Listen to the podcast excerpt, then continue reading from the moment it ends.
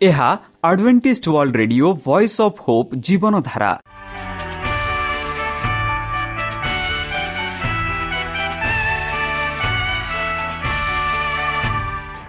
Odia radio କାର୍ଯ୍ୟକ୍ରମ ଯାହା ଆମର ଆନ୍ତର୍ଜାତୀୟ ଆଘାତ କେନ୍ଦ୍ରରୁ ପ୍ରସାରଣ କରାଯାଉଛି ପ୍ରତିଦିନ ରାତି ନଅଟା ତିରିଶ ମିନିଟ୍ରେ। ମୁଁ ସୁବ୍ରତ କୁମାର ପତି ପ୍ରେମର ସହ ଆପଣମାନଙ୍କୁ ଏହି କାର୍ଯ୍ୟକ୍ରମକୁ ସ୍ୱାଗତ କରୁଅଛି।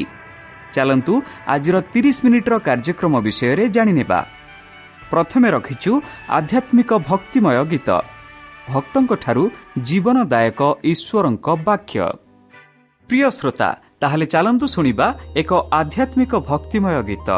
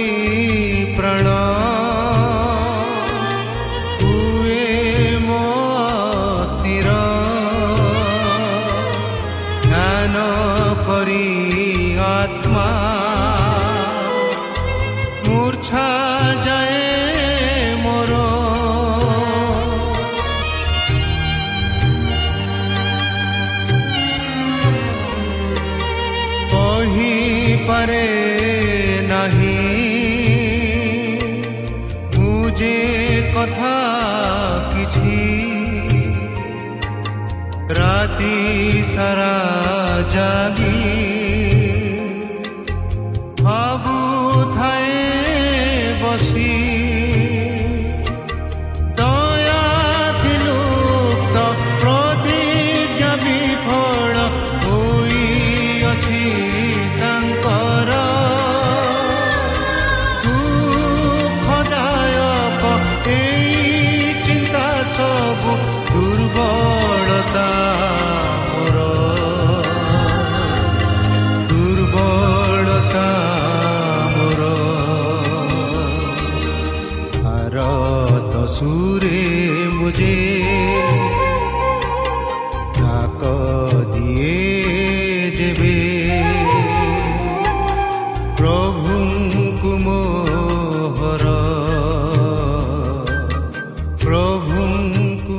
ଆମ ଠିକଣା Adventist media centre SDA mission compound Salisbury park Pune ଚାରି ଏକ ଏକ ଶୂନ ତିନି ସାତ ମହାରାଷ୍ଟ୍ର ବା ଖୋଲନ୍ତୁ ଆମର ୱେବସାଇଟ୍ ଯେକୌଣସି Android phone smartphone desktop laptop କିମ୍ବା ଟ୍ୟାବ୍ଲେଟ୍ ଆମର website W W W dot A W R dot O R G slash O R I ଏବଂ W W W dot Adventist media centre India dot O R G Adventist media centre ଇଣ୍ଡିଆର spelling ହେଉଛି A D V E N T I S T M E D I A C E N T R E I N D I A ବର୍ତ୍ତମାନ ଚାଲନ୍ତୁ ଶୁଣିବା ଈଶ୍ୱରଙ୍କ ଭକ୍ତଙ୍କଠାରୁ ଈଶ୍ୱରଙ୍କ ଜୀବନଦାୟକ ବାକ୍ୟ ଅନନ୍ତ ଯନ୍ତ୍ରଣା ଭାଗ ଦୁଇ ନମସ୍କାର ପ୍ରିୟ ଶ୍ରୋତା ସେହି ସର୍ବଶକ୍ତି ସର୍ବଜ୍ଞାନୀ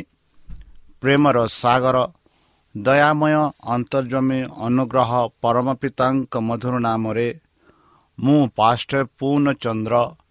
ଆଉ ଥରେ ଆପଣମାନଙ୍କୁ ଏହି କାର୍ଯ୍ୟକ୍ରମରେ ସ୍ୱାଗତ କରୁଅଛି। ସେହି ସର୍ବଶକ୍ତି ପରମେଶ୍ୱର ଆପଣମାନଙ୍କୁ ଆଶୀର୍ବାଦ କରନ୍ତୁ। ଆପଣଙ୍କୁ ସମସ୍ତ ପ୍ରକାର ଦୁଃଖ କଷ୍ଟ ବାଧା କ୍ଲେଶ ଓ ରୋଗରୁ ଦୂରେଇ ରଖନ୍ତୁ। ଶତ୍ରୁ ସୟତାନ ହସ୍ତରୁ ସେ ଆପଣଙ୍କୁ ସୁରକ୍ଷାରେ ରଖନ୍ତୁ।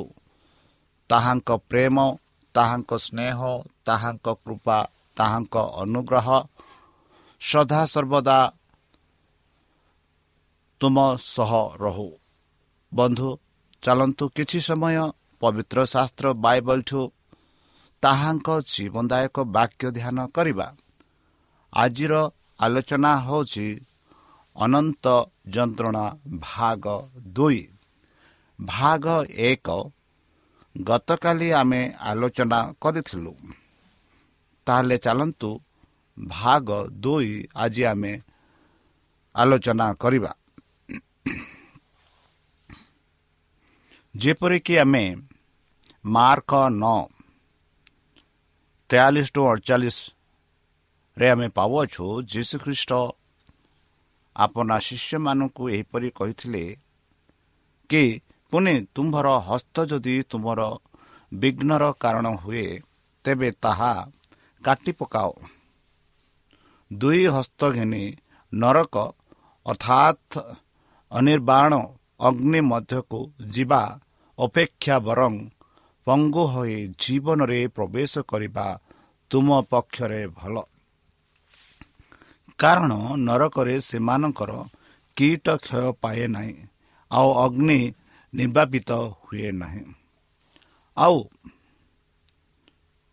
ତୁମ୍ଭର ପାଦ ଯଦି ତୁମ୍ଭର ବିଘ୍ନର କାରଣ ହୁଏ ତେବେ ତାହା କାଟି ପକାଅ ଦୁଇ ପାଦ ଘେନି ନରକରେ ନିକ୍ଷିପ୍ତ ହେବା ଅପେକ୍ଷା ବରଂ ଖଞ୍ଜି ହୋଇ ଜୀବନରେ ପ୍ରବେଶ କରିବା ତୁମ୍ଭ ପକ୍ଷରେ ଭଲ କାରଣ ନରକରେ ସେମାନଙ୍କର କୀଟ କ୍ଷୟ ପାଏ ନାହିଁ। ଆଉ ଅଗ୍ନି ନିର୍ବାପିତ ହୁଏ ନାହିଁ। ପୁଣି ତୁମର ଚକ୍ଷୁ ଯଦି ତୁମର ବିଘ୍ନର କାରଣ ହୁଏ ତେବେ ତାହା ଉପାଡ଼ି ପକାଅ। ଦୁଇ ଚକ୍ଷୁ ଘେନି ନରକରେ ନିକ୍ଷିପ୍ତ ହେବା ଅପେକ୍ଷା ବରଂ ଏକ ଚକ୍ଷୁ ଘେନି ଈଶ୍ୱରଙ୍କ ରାଜ୍ୟରେ ପ୍ରବେଶ କରିବା ତୁମ୍ଭ ପକ୍ଷରେ ଭଲ। କାରଣ ନରକରେ ସେମାନଙ୍କର କୀଟ କ୍ଷୟ ପାଏ ନାହିଁ। ଆଉ ଅଗ୍ନି ନିର୍ବାପିତ ହୁଏ ନାହିଁ। ବନ୍ଧୁ କେଡ଼େ ସୁନ୍ଦର ଭାବରେ ଯୀଶୁଖ୍ରୀଷ୍ଟ ଆମମାନଙ୍କୁ ବୁଝେଇ କହୁଅଛନ୍ତି ଯଦି ସ୍ୱର୍ଗରାଜ୍ୟକୁ ଯିବାକୁ ଇଚ୍ଛା କରୁଛ ବା ସ୍ୱର୍ଗରାଜ୍ୟ ଯିବା ପାଇଁ ତୁମେ ଯୋଗ୍ୟ ହେବା ପାଇଁ ଚେଷ୍ଟା କରୁଛ ଯଦି ସ୍ୱର୍ଗ ରାଜ୍ୟରେ ରହିବା ପାଇଁ ଆପଣମାନେ ଇଚ୍ଛା କରୁଛନ୍ତି। ସେହି ପରମ ପିତାଙ୍କ ସହ ରହି ଅନନ୍ତ ଜୀବନ ସେହି ସ୍ୱର୍ଗ ରାଜ୍ୟରେ କଟାଇବା ପାଇଁ ଇଚ୍ଛା କରୁଛନ୍ତି। ତାହେଲେ ଯେତେବେଳେ ଆମେ ଏହି ପୃଥିବୀରେ ବାସ କରୁଛୁ ଏହି ପୃଥିବୀରେ ଆମେ ଧାର୍ମିକ ଜୀବନ ଧାର୍ମିକ କାର୍ଯ୍ୟକ୍ରମ ଧାର୍ମିକ କ୍ରିୟା ଧାର୍ମିକ ଆଚରଣ ଧାର୍ମିକ ପଥରେ ଚାଲିବାକୁ ପଡ଼ିବ।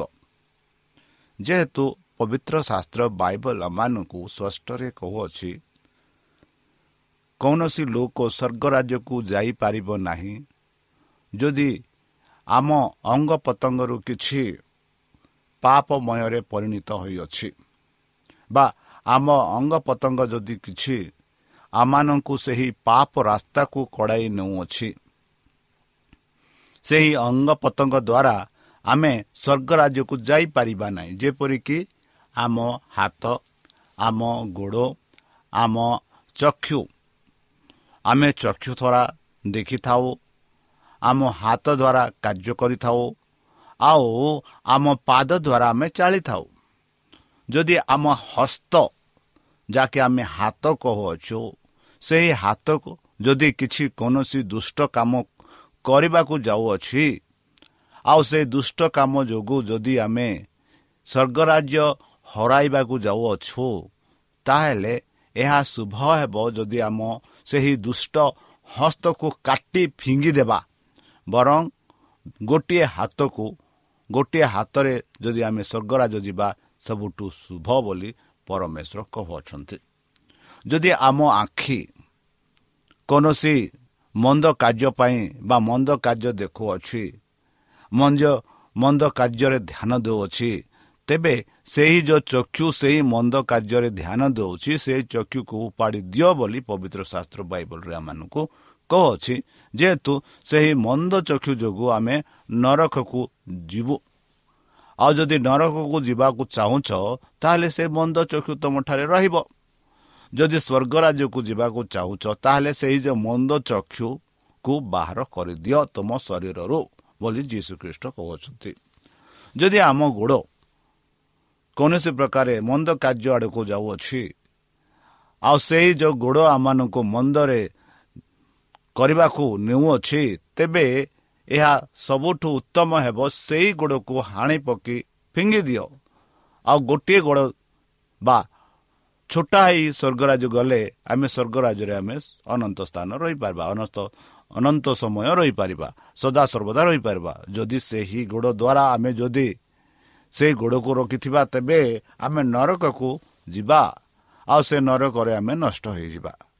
ଏହିପରି ଯୀଶୁଖ୍ରୀଷ୍ଟ ଆପଣା ଶିଷ୍ୟମାନଙ୍କୁ ସତର୍କବାଣୀ ଦେଇ କହୁଅଛନ୍ତି। ଆଉ ସେହି ସତର୍କବାଣୀ ଆମମାନଙ୍କୁ ଆମମାନଙ୍କୁ ମଧ୍ୟ ଦର୍ଶାଉଅଛି ଯେହେତୁ ଯେଉଁ ପୃଥିବୀରେ ଆମେ ବାସ କରୁଅଛୁ ଯେଉଁ ସମାଜରେ ଆମେ ବାସ କରୁଅଛୁ ଯେଉଁ ଗୋଷ୍ଠୀରେ ଆମେ ବାସ କରୁଅଛୁ ଯେଉଁ ଦେଶରେ ଆମେ ବାସ କରୁଅଛୁ ଯେଉଁ ପୃଥିବୀରେ ଆମେ ବାସ କରୁଅଛୁ ଏହି ଯେଉଁ ପୃଥିବୀ ପାପମୟରେ ପରିଣତ ହୋଇଅଛି। ଆଉ ପ୍ରତ୍ୟେକ ମହତରେ ସୈତାନର ଦୂତମାନେ ଚାରିପଟେ ଘେରି ରହିଅଛନ୍ତି ଆଉ ସୈତାନ ରହୁଅଛି। ଆଉ ସୈତାନ ଆମମାନଙ୍କୁ ମନ୍ଦ ପଥରେ ନେବା ପାଇଁ ବହୁତ ଥର ଚେଷ୍ଟା କରିଥାଏ। ଆଉ ଯଦି ଆମେ ସୈତାନ ହସ୍ତରେ ପଡ଼ିଯାଉ ତେବେ ଆମେ ମନ୍ଦ କାର୍ଯ୍ୟ କରିଥାଉ। ଆଉ ପରମେଶ୍ୱର କହନ୍ତି ଯଦି ତୁମେ ସୈତାନ ହସ୍ତରେ ଅଛ ତେବେ ମୋତେ ଡାକ ମୁଁ ତୁମମାନଙ୍କୁ ସାହାଯ୍ୟ କରିବି। ମୋ ନାମ ତୁମେ ନୁହଁ ନିଅ ଯେପରି ମୁଁ ତୁମମାନଙ୍କୁ ସାହାଯ୍ୟ କରିବି। ମୋ ଠାରେ ବିଶ୍ୱାସ କର ଦୃଢ଼ ବିଶ୍ୱାସ ରଖ। ଆଉ ସୈତାନର ତାଡ଼ଣାରୁ ତୁମେ ଦୂର ହୋଇପାରିବ। ସୈତାନର ପ୍ରଲୋଭନରୁ ତୁମେ ଦୂର ହୋଇପାରିବ। ବୋଲି ପରମେଶ୍ୱର କହନ୍ତି ବନ୍ଧୁ ଆମେ ସମସ୍ତେ ପାପି ହେଲେ ହେଁ ପରମେଶ୍ୱରମାନଙ୍କୁ ଏତେ ପ୍ରେମ କଲେ ଆଉ ତାଙ୍କ ପ୍ରେମ ଯୋଗୁଁ ଆମମାନଙ୍କୁ ଏହି ସତର୍କବାଣୀ ଦେଇ କହୁଅଛନ୍ତି ଯଦି ତୁମ ଚକ୍ଷୁ ବା ତୁମ ହସ୍ତ ବା ତୁମ ଗୋଡ଼ କୌଣସି ପ୍ରକାର ମନ୍ଦ କାର୍ଯ୍ୟକୁ ନେଉଅଛି ସେହି ଯେଉଁ ଚକ୍ଷୁ ସେହି ଯେଉଁ ହସ୍ତ ସେହି ଯେଉଁ ପାଦକୁ ଟାଣି ହାଣି ଫିଙ୍ଗି ଦିଅ ଯେପରି ସେହି ପାଦ ଯୋଗୁଁ ତୁମେ ସ୍ୱର୍ଗରାଜ ନ ହରାଅ ବରଂ ସେହି ପାଦ ବିନା ତୁମେ ସ୍ୱର୍ଗରାଜକୁ ଯାଇପାରିବ। ଆଉ ସେହି ପରମେଶ୍ୱର ଯିଏକି ଆଦ୍ୟରେ ଏମାନଙ୍କୁ ସୃଷ୍ଟି କରିଥିଲେ ଏକ ସମ୍ପୂର୍ଣ୍ଣ ରୂପେ ସେହି ପରମେଶ୍ୱର ଏମାନଙ୍କୁ ସମ୍ପୂର୍ଣ୍ଣ ରୂପ କରିବ। ବନ୍ଧୁ ଯେପରିକି ପ୍ରକାଶିତ ତାର କୋଡ଼ିଏ ନଅ ଚଉଦ ପନ୍ଦରରେ ଆମେ ପାଉଅଛୁ ଏକ ସୁନ୍ଦର ପଦ ଜହନ ଲେଖୁଛନ୍ତି ଏହି ଯେଉଁ ପ୍ରକାଶିତରେ। ପ୍ରକାଶିତ କୋଡ଼ିଏ ନଅ ଚଉଦ ପନ୍ଦର। ସେ ଲେଖନ୍ତି ଏହିପରି ସେମାନେ ପୃଥିବୀର ପ୍ରସ୍ତରେ ବିସ୍ତାରିତ ହୋଇ ସାଧୁମାନଙ୍କ ଶିବର ଓ ପ୍ରିୟତମ ନଗରୀକୁ ବେଷ୍ଟନ କଲେ। ସେତେବେଳେ ସ୍ୱର୍ଗରୁ ଅଗ୍ନି ପଡ଼ି ସେମାନଙ୍କୁ ଗ୍ରାସ କଲା। ତତ୍ତ୍ୱରେ ମୃତ୍ୟୁ ଓ ପାତଳକୁ ଅଗ୍ନିମୟ ଦ୍ରଦ୍ରରେ ପକାଇଲା। ଏବଂ ମୁଁ ଅର୍ଥାତ୍ ଅଗ୍ନିମୟ ହ୍ରଦ ଦ୍ୱିତୀୟ ମୃତ୍ୟୁ ଯାହାର ନାମ ଜୀବନ ପୁସ୍ତକରେ ଲେଖା ହୋଇନଥିବାର ଲେଖା ନଗଲା ତାହାକୁ ଅଗ୍ନିମୟ ହ୍ରଦରେ ପକାଗଲା। ବନ୍ଧୁ ଆମେ ଗତକାଲି ଏହି ପର୍ବ ପଢ଼ି ସାରିଛୁ। ଆଉ ଏହି ପର୍ବର ନଅ ଚଉଦ ପନ୍ଦରରେ ଆମେ ପାଉଛୁ କି ପୃଥିବୀ ସେମାନେ ପୃଥିବୀରେ ବିସ୍ତାରିତ ହେଲେ ବୋଲି। ଆଉ ସେମାନେ ବିସ୍ତାରିତ କିଏ? ସୈତାନ ଆଉ ସାଧୁମାନଙ୍କ ଶିବର ଓ ପ୍ରିୟତମ ନଗରୀକୁ ସେମାନେ ଆକ୍ରମଣ କରିବା ପାଇଁ ଚେଷ୍ଟା କଲେ ବୋଲି ଆମେ ଦେଖୁଅଛୁ। ଆଉ ସେତେବେଳେ ଯେମାନେ ସେତେବେଳେ ଯେବେ ସେମାନେ ଆକ୍ରମଣ କରିବାକୁ ଚେଷ୍ଟା କରୁଛନ୍ତି ସେତେବେଳେ ସ୍ୱର୍ଗରୁ ଅଗ୍ନି ବଢ଼ି ସେମାନଙ୍କୁ ଘ୍ରାସ କଲା ବୋଲି ଆମେ ଦେଖୁଅଛୁ। ଆଉ ଏହି ଘ୍ରାସ ତତ୍ପରେ ମୃତ୍ୟୁ ଓ ପାତଳକୁ ଅଗ୍ନି ମଧ୍ୟରେ ପକାଗଲା। ଆଉ ଅର୍ଥାତ୍ ଏଇ ଯେଉଁ ଘ୍ରାସ ଏଇ ଯେଉଁ ମୃତ୍ୟୁ ଆଉ ଥରେ ସେମାନେ କେବେ ହେଲେ ଜି ଉଠିବେ ନାହିଁ। ଏହା ହେଉଛି ଦ୍ୱିତୀୟ ମୃତ୍ୟୁ ବୋଲି ଆମେ ଦେଖୁଅଛୁ। ପ୍ରଥମ ମୃତ୍ୟୁ ଯାହା ସାଧାରଣ ରୂପେ ମଣିଷ ମରିଥାଏ ତାହା ହେଉଛି ପ୍ରଥମ ମୃତ୍ୟୁ। ଆଉ ଯେବେ ଯୀଶୁଖ୍ରୀଷ୍ଟ ଏହି ପୃଥିବୀକୁ ଆସିବେ ସେତେବେଳେ ପାପୀମାନେ ମୃତ୍ୟୁରେ ଅଛନ୍ତି। ଆଉ ଯେବେ ଯୀଶୁଖ୍ରୀଷ୍ଟ ସେହି ନଗର ସହ ଆସିବେ ସେତେବେଳେ ଆଉ ଥରେ ସେମାନେ ଉଠିବେ। ଆଉ ଶୈତାନଙ୍କୁ ହାତ ମିଳାଇ ସେହି ଜେରୁସାଲମ ନଗରକୁ ଆକ୍ରମଣ କରିବା ପାଇଁ ସେମାନେ ଚେଷ୍ଟା କରିବେ। ଆଉ ସେତେବେଳେ ସେ ସ୍ୱର୍ଗରାଜ୍ୟରୁ ସେ ଅଗ୍ନି ବର୍ଷା ହେବ। ଆଉ ସେ ଅଗ୍ନି ବର୍ଷା ଦ୍ୱାରା ସେ ଅଗ୍ନି ବର୍ଷା ସେହି ଯେଉଁ ଦ୍ୱିତୀୟ ଥର ପ୍ରଥମ ଥର ଯେଉଁମାନେ ପୁନରୁତ୍ଥିତ ହୋଇଥିଲେ ସେମାନେ ଅଗ୍ନି ଦ୍ୱାରା ମୃତ୍ୟୁ ବରଣ କରିବେ। ଆଉ ତାହା ହେଉଛି ଦ୍ୱିତୀୟ ମୃତ୍ୟୁ। ଆଉ ତାପରେ ଆଉ କିଛି ଆଶା ନାହିଁ ମଣିଷ ଆଉ ଥରେ ଜି ଉଠିବ ବୋଲି। ଆଉ କେଉଁମାନେ ଏହି ମୃତ୍ୟୁର ଯୋଗୀ ହେବେ ଯେଉଁମାନଙ୍କର ନାମ ଜୀବନ ପୁସ୍ତକରେ ନାହିଁ ଯେଉଁମାନଙ୍କର ନାମ ସେହି ଜୀବନ ପୁସ୍ତକରେ ମୋଟେ ନାହିଁ ସେମାନେ ହିଁ ଏହି ଦ୍ୱିତୀୟ ମୃତ୍ୟୁ ଭୋଗ କରିବେ। ଆଉ ସେମାନେ ସେତେବେଳେ ଶୈତାନଙ୍କ ସହ ହସ୍ତ ମିଳାଇ ସେହି ଜେରୁସାନମ ନଗରକୁ ଆକ୍ରମଣ କରିବା ପାଇଁ ଚେଷ୍ଟା କରିବେ ଆଉ ସେତେବେଳେ ସେ ପରମେଶ୍ୱର ସ୍ୱର୍ଗରୁ ସେହି ଅଗ୍ନି ବର୍ଷା କରିବେ। ଆଉ ସେ ଅଗ୍ନି ବର୍ଷା ଦ୍ୱାରା ଏଇ ଯେଉଁ ଯେତେ ଲୋକେ ପାପୀମାନେ ଜି ଉଠିଛନ୍ତି ସେମାନେ ସେହି ବର୍ଷା ଅଗ୍ନି ବର୍ଷ ଦ୍ୱାରା ଗ୍ରାସ ହେବେ ବା ଚୂର୍ଣ୍ଣ ବିଚୂର୍ଣ୍ଣ ହେବେ। ଆଉ ତାହା ହେଉଛି ଦ୍ୱିତୀୟ ମୃତ୍ୟୁ। ଆଉ ଆମେ ସ୍ପଷ୍ଟ ରୂପେ ଯାହାକି ଆମେ ପନ୍ଦର ପଦରେ ପାଉଛୁ ଯାହାର ନାମ ଜୀବନ ପୁସ୍ତକରେ ଲେଖା ହୋଇନଥିବାର ଲେଖା ନଗଲା ତାହାକୁ ଅଗ୍ନିମୟ ଦ୍ରଦ୍ରରେ ପକାଗଲା। ବନ୍ଧୁ କେଳେ ସ୍ପଷ୍ଟ ରୂପେ ଆମେ ପାଉଅଛୁ?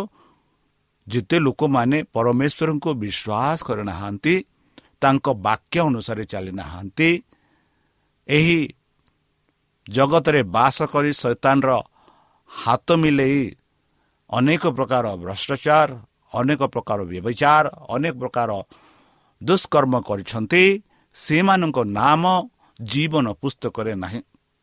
ଆଉ ସେମାନେ ଏଇ ଯେଉଁ ବର୍ଷା ଅଗ୍ନି ବର୍ଷ ଦ୍ୱାରା ଘ୍ରାସ ହେବେ ଆଉ ତାହା ହେଉଛି ଶେଷ ମୃତ୍ୟୁ।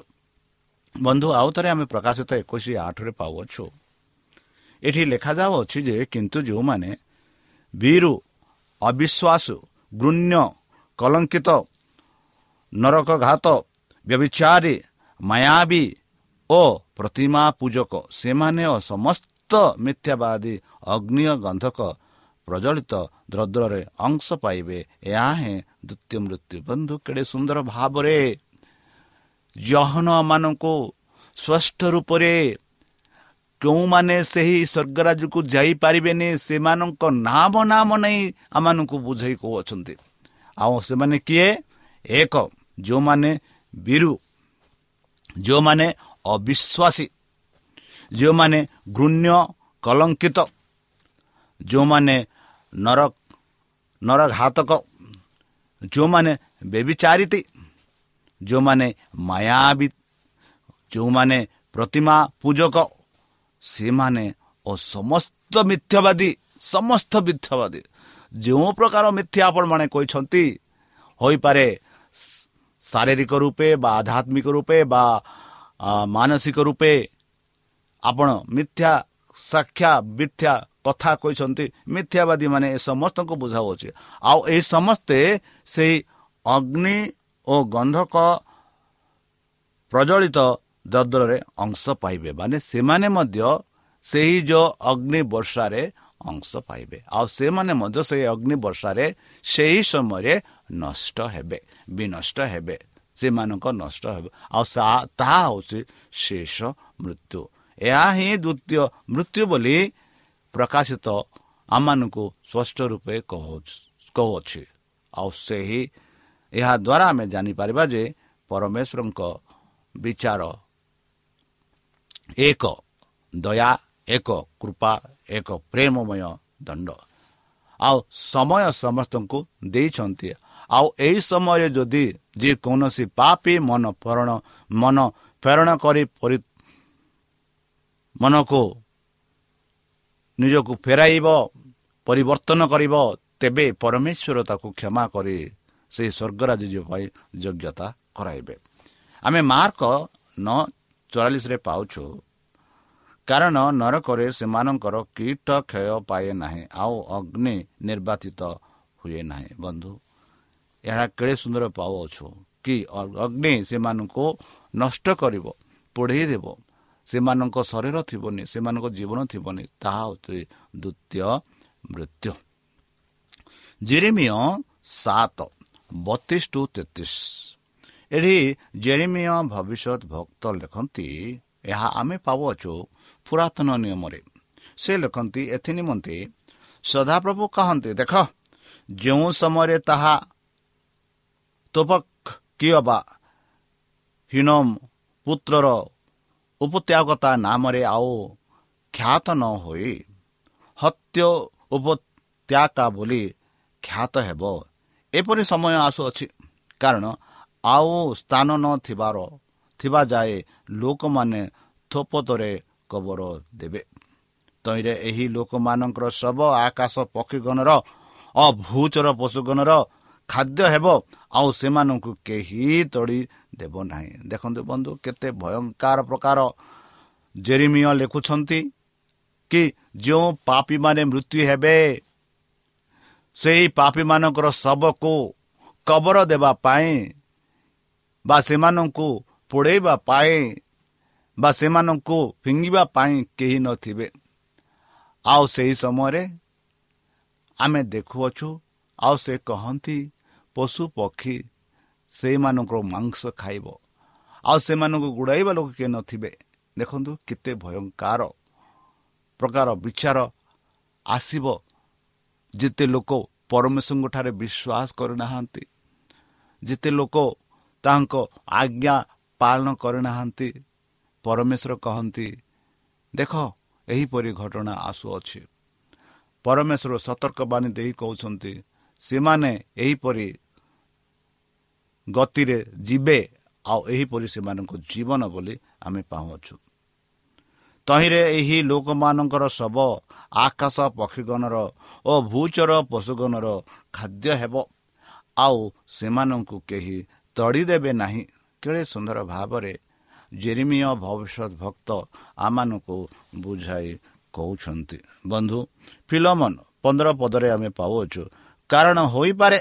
ଯେପରି ତୁମେ ତାହାକୁ ଆଉ ଦାସ ସ୍ୱରୂପେ ନ ପାଇ ବରଂ ଦାସ ଠାରୁ ଶ୍ରେଷ୍ଠ ଅର୍ଥାତ୍ ଜଣେ ପ୍ରିୟ ଭ୍ରାତ ସ୍ୱରୂପେ ଚିରକାଳ ପାଇପାର ଏଥିପାଇଁ ସେ କିଛି କାଳ ନିମନ୍ତେ ତୁମଠାରୁ ଅନନ୍ତ ହୋଇଥିଲା। ବନ୍ଧୁ ଆମେ ସେହି ସଦାପ୍ରଭୁଙ୍କ ଠାରୁ ଚାଲି ଯାଉଅଛୁ ଆଉ ପରମେଶ୍ୱର ଯୀଶୁଖ୍ରୀଷ୍ଟ କି ଆମମାନଙ୍କ ପାଇଁ ଏହି ପୃଥିବୀରେ ବାସ କଲେ ଆମମାନଙ୍କ ପାଇଁ ଏହି ପୃଥିବୀରେ ଜନ୍ମ ନେଲେ ଆଉ ଆମମାନଙ୍କ ପାଇଁ ମୃତ୍ୟୁବରଣ କଲେ ଆଉ ସେ କହନ୍ତି କି ପ୍ରିୟ ଏଇ ଯେଉଁ ପୁତ୍ର ଯେ କି ହଜି ଯାଇଥିଲା ଏହି ପୁତ୍ର ମୁଁ ମୋ ରକ୍ତ ଦ୍ୱାରା ପାଇଅଛି।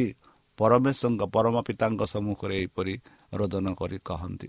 ବନ୍ଧୁ ଆମେ ସେହି ପ୍ରଭୁଙ୍କ ପୁତ୍ର ପୁତ୍ରୀ ସନ୍ତାନ ସନ୍ତତି ଯେହେତୁ ଆଦ୍ୟରେ ପରମେଶ୍ୱର ମଣିଷକୁ ଆପନା ପ୍ରତି ରୂପେ ସୃଷ୍ଟି କଲେ ବୋଲି ଆମେ ଦେଖୁଅଛୁ ଯାହା ଆଦି ଏକ ଛବିଶ ସତେଇଶରେ ଆମେ ପାଉଅଛୁ। ତାହେଲେ ଆମେ ସମସ୍ତେ ପରମେଶ୍ୱରଙ୍କ ରୂପ ନେଇଅଛୁ। ଆମେ ସମସ୍ତେ ପରମେଶ୍ୱରଙ୍କ ପୁତ୍ର ପୁତ୍ରୀ ସନ୍ତାନ ସନ୍ତତି। ଆଉ ପରମେଶ୍ୱର ଚାହାନ୍ତି ନାହିଁ କି ଆମେ ଏହି ପାପମୟ ପୃଥିବୀରେ ବିନଷ୍ଟ ହୋଇଯାଉ। ଆଉ ସେଥିଯୋଗୁଁ ପରମେଶ୍ୱର ଏକ ଯୋଜନା କଲେ ଯାହାଦ୍ୱାରା ଆମେ ସେହି ପରମେଶ୍ୱରଙ୍କ ପାଖକୁ ଆଉ ଥରେ ଯାଇପାରିବା। ଯେପରି ଆମେ ସାଧୁ ପାଉଲ ପିଲମାନଙ୍କୁ ଲେଖନ୍ତି ସେହି ଦାସ ବିଷୟରେ କି କିଛି ସମୟ ତୁମଠାରୁ ଏଇ ଯେଉଁ ଦାସଟା ଦୂରକୁ ଚାଲି ଯାଇଥିଲା ବର୍ତ୍ତମାନ ସେ ତୁମ ପାଖକୁ ଆସୁଅଛି। ତାକୁ ତୁମେ ଗ୍ରହଣ କର ତା ପାପ ସବୁ କ୍ଷମା କର। ଏହିପରି ଯୀଶୁ ଖ୍ରୀଷ୍ଟ ଯେବେ ମୃତ୍ୟୁ ବରଣ କରୁଥିଲେ ସେ ପ୍ରାର୍ଥନା କଲେ ପିତ ଏମାନେ ଜାଣିନାହାନ୍ତି ଏମାନଙ୍କ ପାପ ତୁମେ କ୍ଷମା କର ବୋଲି। ହଁ ବନ୍ଧୁ ପରମେଶ୍ୱର ଆମମାନଙ୍କ ପାଇଁ ସଦାସର୍ବଦା ପ୍ରାର୍ଥନା କରୁଛନ୍ତି। ତାହେଲେ ଚାଲନ୍ତୁ। ସେହି ପ୍ରାର୍ଥନାକୁ ଆମେ ଶୁଣି ତାଙ୍କ ପଛେ ଚାଲିବା ତାଙ୍କ ଆଜ୍ଞା ମାନି ତାଙ୍କ କଥା ମାନି ତାହାଙ୍କ ବିଷୟରେ ଜାଣି ଯେପରିକି ଆମେ ସମସ୍ତେ ସ୍ୱର୍ଗରାଜ ଯିବାର ଯିବା ପାଇଁ ଯୋଗ୍ୟତା ହୋଇପାରିବା। ତାହେଲେ ଚାଲନ୍ତୁ ନିଜକୁ ସମର୍ପଣ କରି ତାହାଙ୍କ ମଧୁର ନାମରେ ପ୍ରାର୍ଥନା ଉତ୍ସର୍ଗ କରିବା। ହେ ଆମମାନଙ୍କ ସର୍ବଶକ୍ତି ସର୍ବଜ୍ଞାନୀ ପ୍ରେମର ସାଗର ଦୟାମୟ ଅନ୍ତର୍ଜମୀ ଅନୁଗ୍ରହ ପରମ ପିତା ଧନ୍ୟବାଦ ଅର୍ପଣ କରୁଛୁ ପ୍ରଭୁ ବର୍ତ୍ତମାନ ଯେଉଁ ବାକ୍ୟ ତୁମ ସେହି ଭକ୍ତମାନଙ୍କୁ ଶୁଣାଇଲେ ସେହି ବାକ୍ୟ ଅନୁସାରେ ଏମାନଙ୍କୁ ଚାଲିବା ପାଇଁ ବୁଦ୍ଧିରେ ଜ୍ଞାନରେ ଶକ୍ତିରେ ପରିପୂର୍ଣ୍ଣ କର। ଆମ ପାପ ସବୁ ତୁମ ସେହି ବହୁମୂଲ୍ୟ ରକ୍ତରେ ପରିଷ୍କାର ରୂପେ ଧୋଇଦିଅ ଆଉ ପରିଶେଷ ଯେବେ ତୁମେ ତୁମ ସେହି ସହସ୍ରଦୂତଙ୍କ ସହ ଆସିବେ ସେତେବେଳେ ଆମମାନଙ୍କୁ ଏକ ବାସ ସ୍ଥାନ ଦେବ ବୋଲି ତ୍ରାଣକର୍ତ୍ତା ପ୍ରଭୁ ଯୀଶୁଙ୍କ ମଧୁରମୟ ନାମରେ ଏହି ଛୋଟ ବିକ୍ଷମ ଅଛି ଶୁଣି ଗ୍ରହଣ କର ଆମେନ୍ ପ୍ରିୟ ଶ୍ରୋତା ଆମେ ଆଶା କରୁଛୁ ଯେ ଆମର କାର୍ଯ୍ୟକ୍ରମ ଆପଣମାନଙ୍କୁ ପସନ୍ଦ ଲାଗୁଥିବ ଆପଣଙ୍କର ମତାମତ ଜଣାଇବା ପାଇଁ ଆମର ଏହି ଠିକଣାରେ ଯୋଗାଯୋଗ କରନ୍ତୁ ଆମ ଠିକଣା Adventist media centre SDA mission compound Salisbury park Pune ଚାରି ଏକ ଏକ ଶୂନ ତିନି ସାତ ମହାରାଷ୍ଟ୍ର ବା ଖୋଲନ୍ତୁ ଆମର ୱେବସାଇଟ୍ ଯେକୌଣସି Android phone smartphone desktop laptop କିମ୍ବା ଟ୍ୟାବ୍ଲେଟ୍ ଆମର website W W W dot A W R dot O R G slash O R I ଏବଂ W W W dot Adventist media centre India dot O R G Adventist media centre ଇଣ୍ଡିଆର spelling ହେଉଛି A D V E N T I S T M E D I A C E N T R E I N D I A ଅଥବା download କରନ୍ତୁ ଆମର mobile app ଆପଣଙ୍କର mobile play ଷ୍ଟୋରକୁ ଯାଆନ୍ତୁ ଆଉ type କରନ୍ତୁ the voice of hope ଆଉ download କରନ୍ତୁ ଈଶ୍ୱର ଆପଣଙ୍କୁ ଆଶୀର୍ବାଦ କରନ୍ତୁ ଧନ୍ୟବାଦ